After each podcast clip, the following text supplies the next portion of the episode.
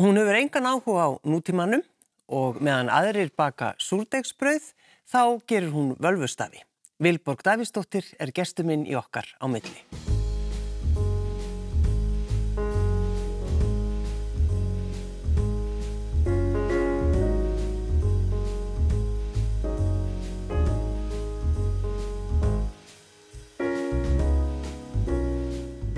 Takk fyrir að sitja hjá mér.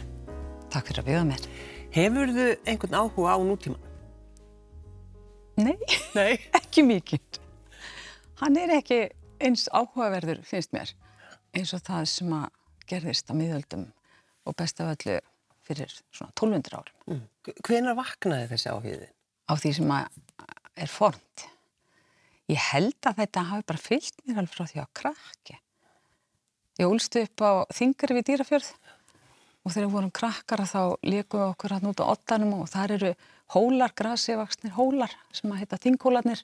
Og við vissum alltaf að þetta væri búið á tóftir frá því á landnámsöld þar sem að þeirra þingarinn fær napsitt af því að það er háð þing þarna á ottanum og einhvern veginn finnst mann það bara sjálfsagt. En ég man alveg eftir ég hafa leiðið svona tóft og hort upp í heiminin hort upp í skíin og velti fyrir mér e, að í raun og veru þá væri ég kannski bara að horfa á nákvæmlega sama eins og fólki sem kom þetta fyrst. Þetta er sami fjörðurinn, sama fjallið, heiminin. Þannig að já, þetta hefur kannski bara fyllt mér alveg frá því að það var smá stelpa. Hvað, hvað ertu gömur þarna þegar þú ert fann að hugsa svona djúft? Meðan aðri voru bara pæli kannski að, ég veit ekki, fara að fóra sér eitthvað að borða. ég veit ekki, þetta er svona einhver minning frá því að ég er svona 7-8 nýjar og gömul.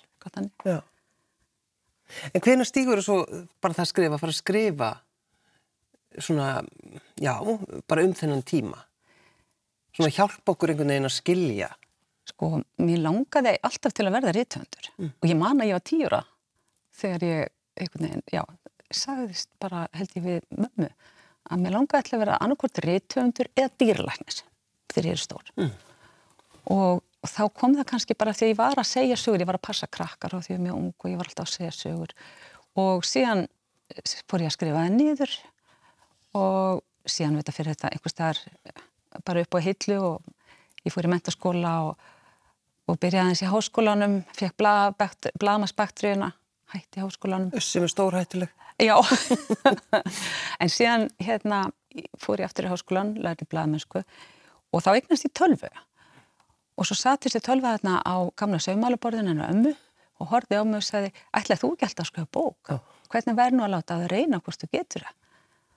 Svo ég ákvað bara stíg út í ofisna og prófa og það var korkusaga sem að gerist um aldamóti 900. Það er saga um unga stúlku sem er ambátt, sem er dóttir Ískrar konu og norsks höfingja sem er landansmaður í Íslandi. Og þá, sko, já, þá byrjar þetta. Já, og þá er rauninni bara, þá, þú bara stoppar ekki eftir það? Nei. Ég, þá þú bara hefur ekki hægt? Ég hef, já, ég hef, mér fannst þetta alveg gríðarlega skemmtilegt og finnst. Mm. Mér finnst þetta bara besta starfi heimi. Ég skilji ekki okkur, allir er ekki að gera þetta. En þetta er náttúrulega, sko, ertu, ertu að skoða fornaldasögurnar, vikingatíman, uh, veist, hvað ert að pæla? Eh, þegar ég fæ hugmynd, þá ef við tekum bara kannski dæma þessum síðustu bókun sem er um Þorgirði Þorstinsdóttur og Lagsardalunum undir Yggdrasil og Landnæturna sem kom út núna fyrir jólinn að þá var ég ákveðin því að svo saga ætti að gerast í Östurvegi þar að segja fljótonum sem að e, falla um Rúsland og Úkrænu fara til Konstantinópeli að Miklagars.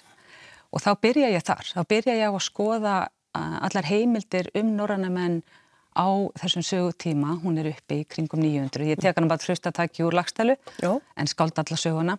Bara segja takk fyrir lánið? Já. það er stór eigða í hennar lífi þannig að þá skálda ég það. Já. Já ég skálda bara þegar það eru eigður. Og síðan fyrir ég að skoða hvað fornir greipir af og komur jörðu frá tímanum og þá, þá gera slutinir.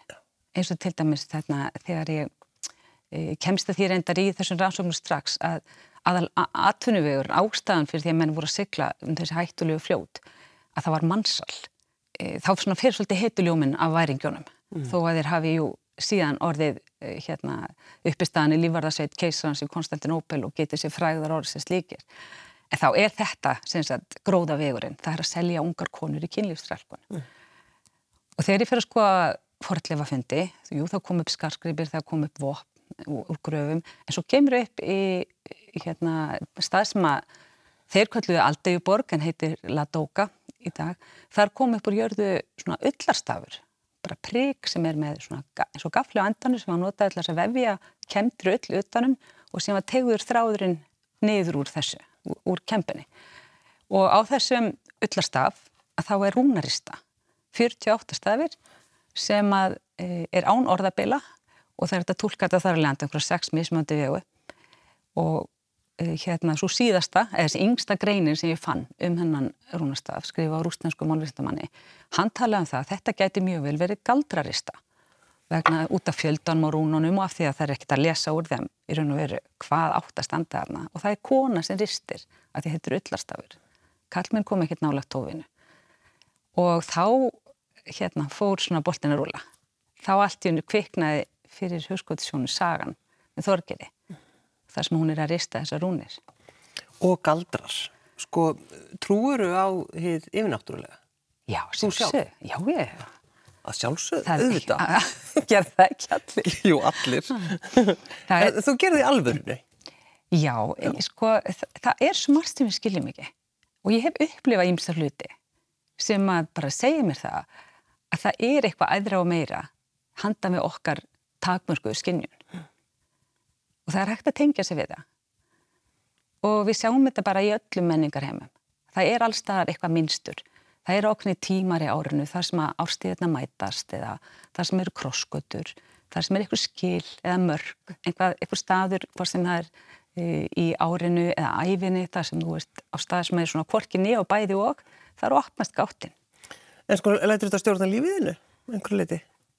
Mm, ég veit ekki, ég held að þetta krytti lífi bara, frekar heldur en að stjórniði. Mm. Það ger lífi skemmtilegra að vita af því að það eru svona vísbendikar um eitt og annað, þú bara kannt að horfa eftir þeim, frá einhverju aðra, sem veist ekki kannski hvað er, en það skiptir ekki öll máli. En svona til þess að sína hvernig þú pælir, meðan aðrir voru að reyna að mastera súrdegsbaksturinn sinn, þá varst þú að gera völvustafi. Já. sem segir nú kannski ímislegt. Já, í COVID þá náttúrulega fórum við mörg svona að leita inn á við og jú, jú. finna okkur eitthvað til dundur.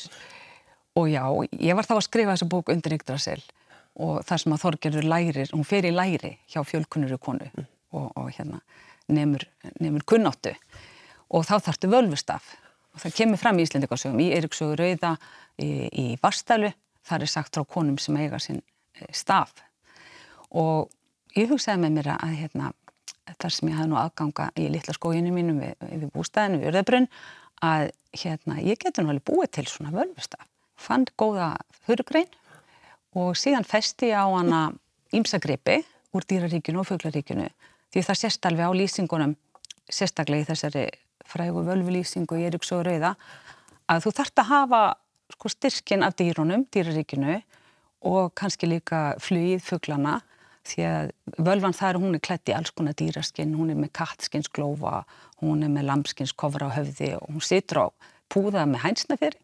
Þannig að ég tók þennan rjúpufjari sem ég fann í, hérna, í loðinni, e, svansfjör sem ég fann að reynda bara við tjötuna í 101. E, ég, mér laðist til hérna, gæsarfótur frá Ölfusáni, frá vinkonu minni og síðan hefur bæst á hana staf eitt og annað. Ég fekk úlstönn að gjöð frá Grænlandi og tófulöpp úr dölunum. Þannig að lesendur hafa líka bætt, eh, gefið mér sko gripi á stafin. En, en hvað, hvað ætlar að gera við hennar staf? Ég hef hann mér svona til hals og styrks. Þetta er svona, þetta er tenging við náttúruna og hún er mikilvægt. Það er mikilvægt að tengja sig við náttúruna.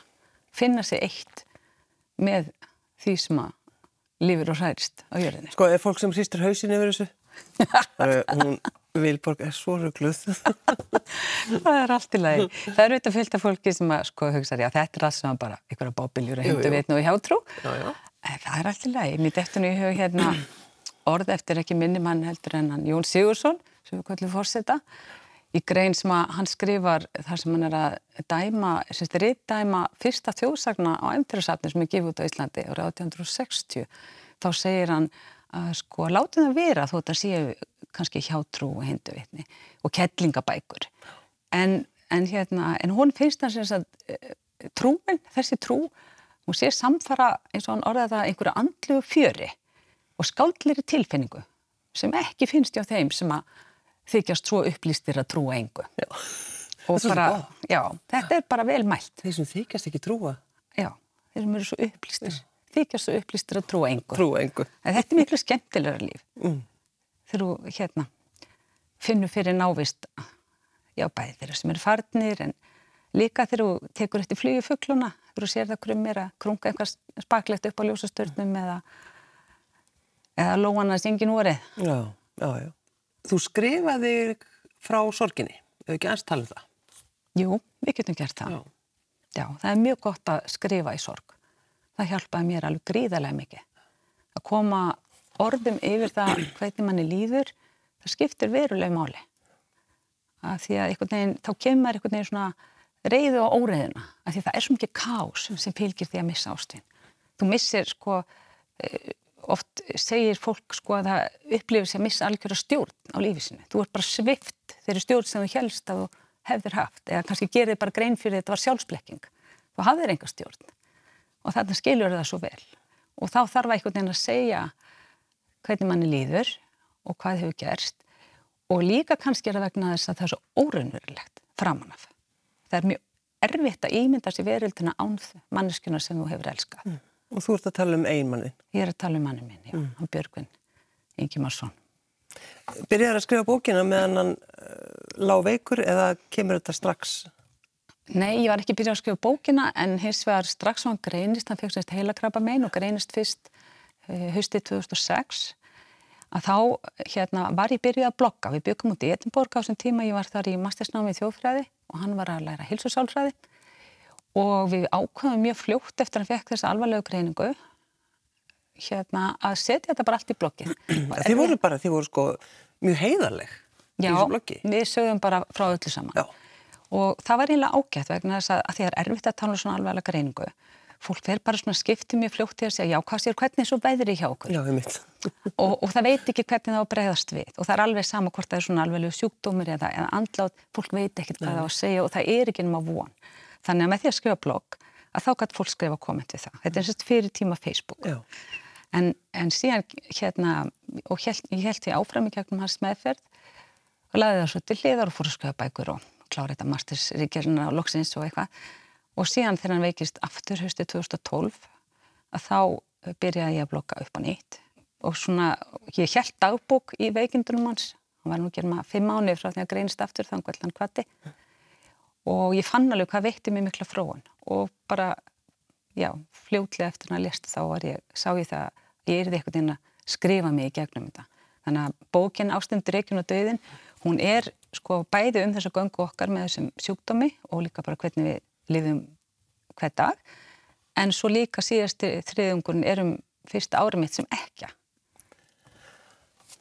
Það er akkurat sem að einmitt margir uh, tala um að það er svo skrítið. Þú ert allt í einu Vilborg ekja. Já, þetta er skrítið starfsiti. Já, hún er ekja. Það er skrítið að hafa þau en sjálfan sig. Já. Já, en svona er þetta. Já. Og það getur enginn sagt þér hvernig það er fyrir þú ert komin á þann stað. Mm. Ekkert frekar heldur en uh, einhver getur útskýrt fyrir manneski sem eru aldrei gengið með bann, uh, fætta af sér hvernig það er að vera orðin móðir. Mm -hmm. Fólk reynir það en þú veist það ekki fyrir þú stendur á þessu stað. Og segja, já, er þetta svona? Já. Og þá allt í hennu, sko, í fyrstu var það mjög einmannlegt.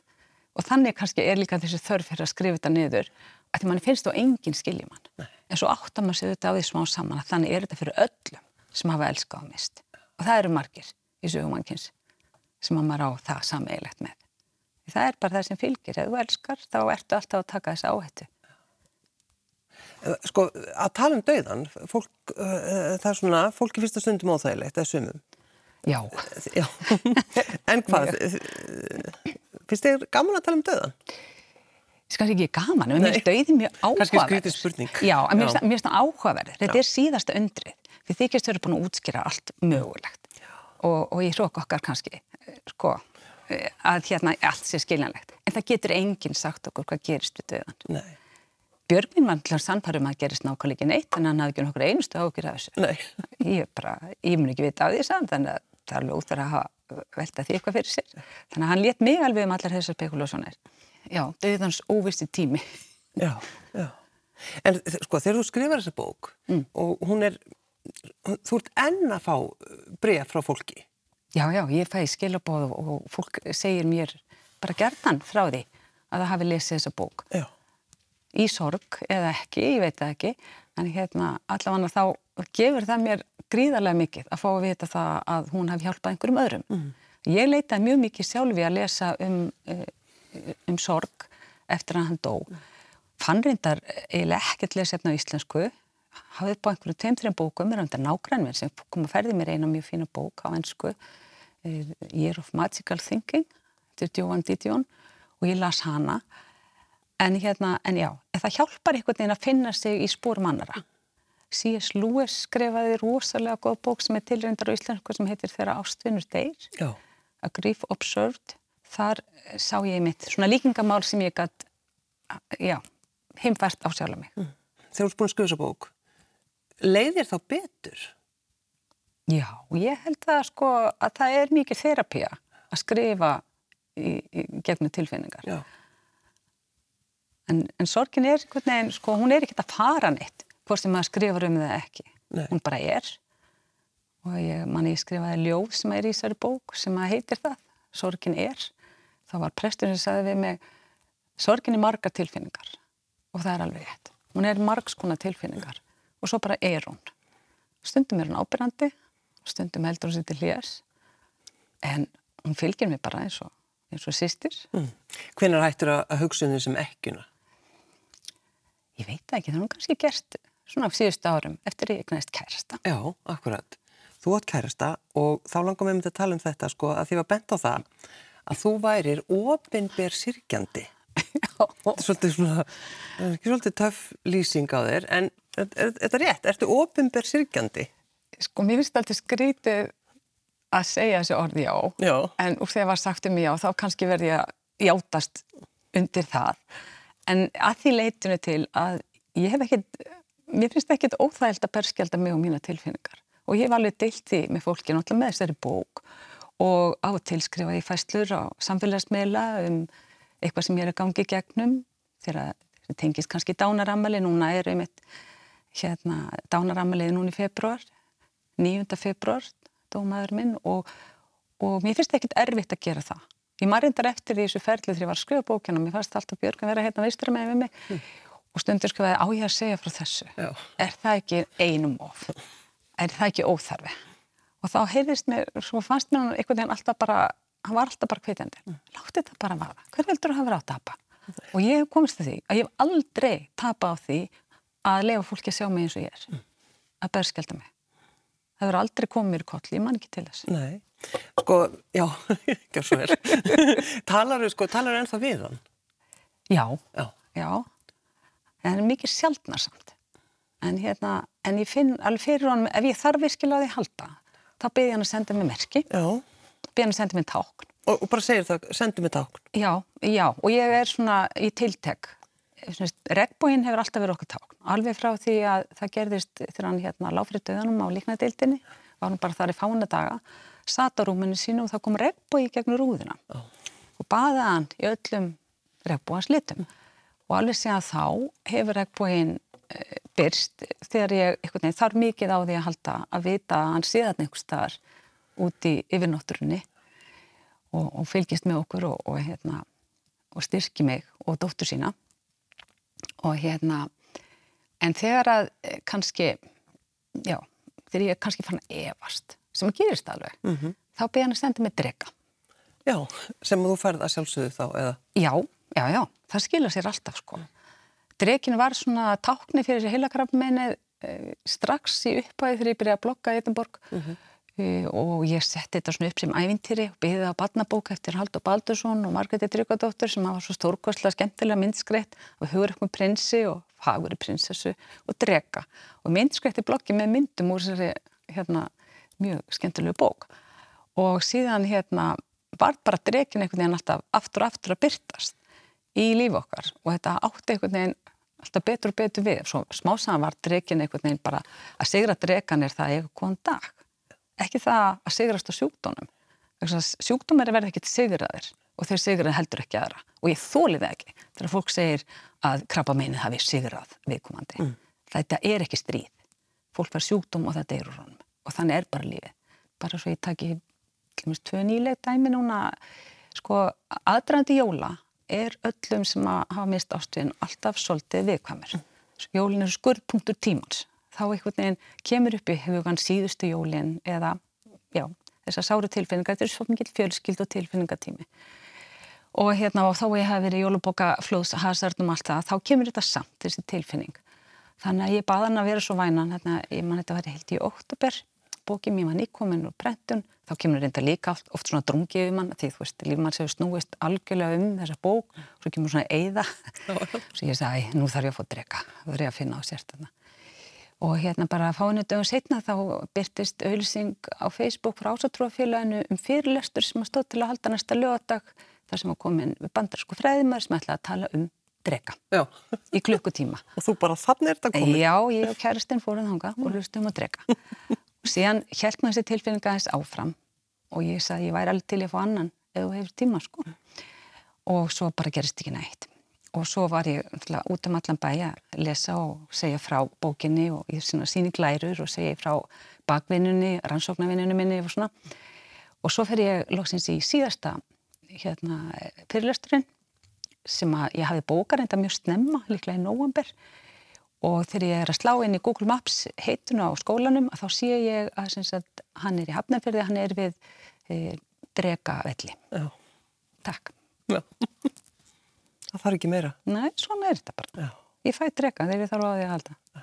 En sko skoðar einhvern veginn lífið öðruvísi að því þú ert búin að stútra þetta svo mikið, þú ert skrifað allar þessar bækur um fornöldina og allt þetta og þú til dæmis sko þegar þú missir uh, barnabannið þitt, þegar barnabannið þitt er, þá reiknar það út til dæmis að það eru þúsund dagar liðnir frá því að Björgvinn deyr. Já, Ég veit ekki eins og af hverju fór að gáða þessu. Nei. En þarna sérst Björgvin deyri februar 2013, tegnda mamma e, og ég var hennar eina tegnda barn og, og svona helst umönnar aðli, hún deyri í nógumber. E, Pappi fær krabbmeinsgreininguna sín í vikunni sem maður minn var hjartaður og hann deyri sömarið eftir 2014. Uh. Síðan fáum við þess að gleði tíðindi að þessi vona hérna lítlu stúlku og hún fæðist 15. oktober 2015 Hún var á jörðinni í 22 heilaða daga, fættist mikið fyrir tíman. Og þegar hún lést, að þá hugsaði ég, þetta eru ekki þrjú ár, hvað er þetta séu margir dagar? Ja. Svo ég gáði bara og þeir voru þúsund. Og ég veit ekkert af hverju, kannski er þetta einhver þörf fyrir að sjá minnstur í þessari óreiðukendu tilveru sem lífið er. Kannski er það bara það. Ég veit það ekki. Björgun myndi örgla á hristhauðsinu og leiði þessari vils. Já, og sendir regnbúa. Já, allir það ekki. Eða drekka. Vilborg Davíðsdóttir í töndur. Takk fyrir að sitja hjá mér. Takk fyrir mig.